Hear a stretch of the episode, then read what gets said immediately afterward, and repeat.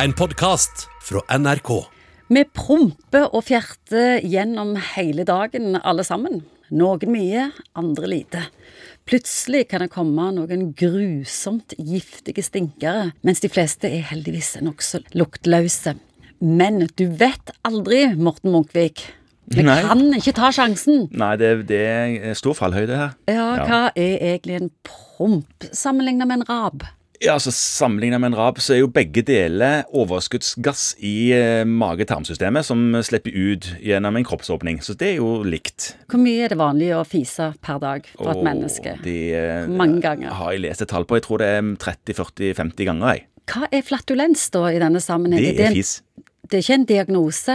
Nei, det er bare hvis du skal være pen på det og si fis på en annen måte. Hva gjør at noen får så mye tarmgass? Dette med mengden gass i tarmen er forskjellig fra person til person, og òg forskjellig fra dag til dag hos den enkelte. Noen eh, føler seg veldig oppblåst en dag, og den andre dagen har de liksom ingen fis, føler de. Selv om de har det, altså. Og her er det jo snakk om hva en spiser. Det kan være eh, forskjell på det, hvor mye gass det genererer. Og så er det òg forskjell på hvilke bakterier en har i tarmen. Noen av disse bakteriene er gode på å lage gass, mens andre lager mindre gass. Så disse tingene er Så det er kosthold, egentlig. ja, kosthold og personlig eh, sammensetning av tarmflora. Hva er det som gjør at du kan få en sånn promp så det nesten svir i øynene? ja, nei, men altså Vi kan snakke litt grann om prompens sammensetning. Det, det er sånn at eh, den lukter vondt, sier man. Men det er jo bare et par deler av tusen deler av den gassammensetningen som er hydrogensulfid, som er det som lukter vondt. Og det er litt interessant, egentlig, fordi at eh, denne kloakkgassen, som det heter, det er merkelig nok noe man ikke lukter i det hele tatt dersom konsentrasjonen blir kjempehøy. Og da i tillegg blir den gassen giftig. Så det er jo litt snålt. Altså dødelig. Så hvis man har øhm, veldig mye hydrogensulfid i et rom som kalles kloakkgass, så dør man. Men man lukter ikke noe fis av det. Og det er litt spesielt.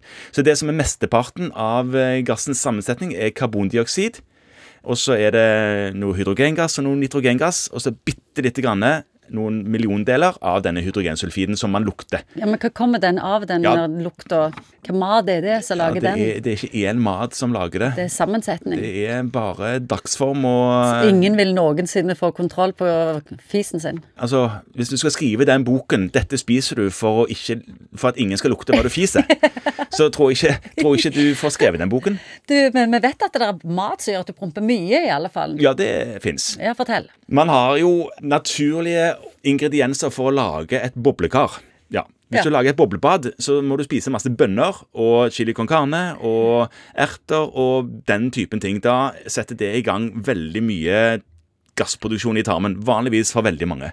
Men det er ikke sikkert det lukter så vondt for det om. Nei. Så det er jo for så vidt koselig hvis no, du sitter i badekaret. Noen jeg kjenner gikk over til å bli veganer og spise mye grønt. Da ble det mye promp. Ja, Så det slutta de med. Så de, de er ikke veganere lenger? Nei. Nei.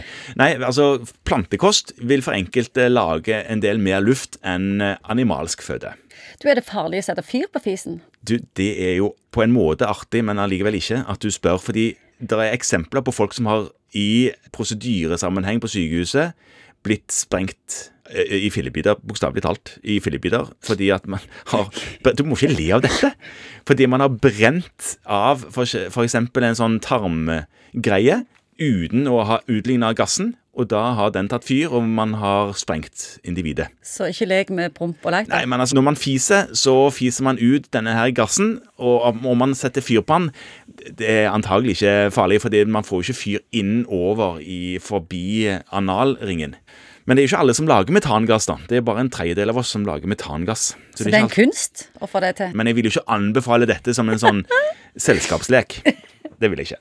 Du har hørt en podkast fra NRK. Hør flere podkaster og din NRK-kanal i appen NRK Radio.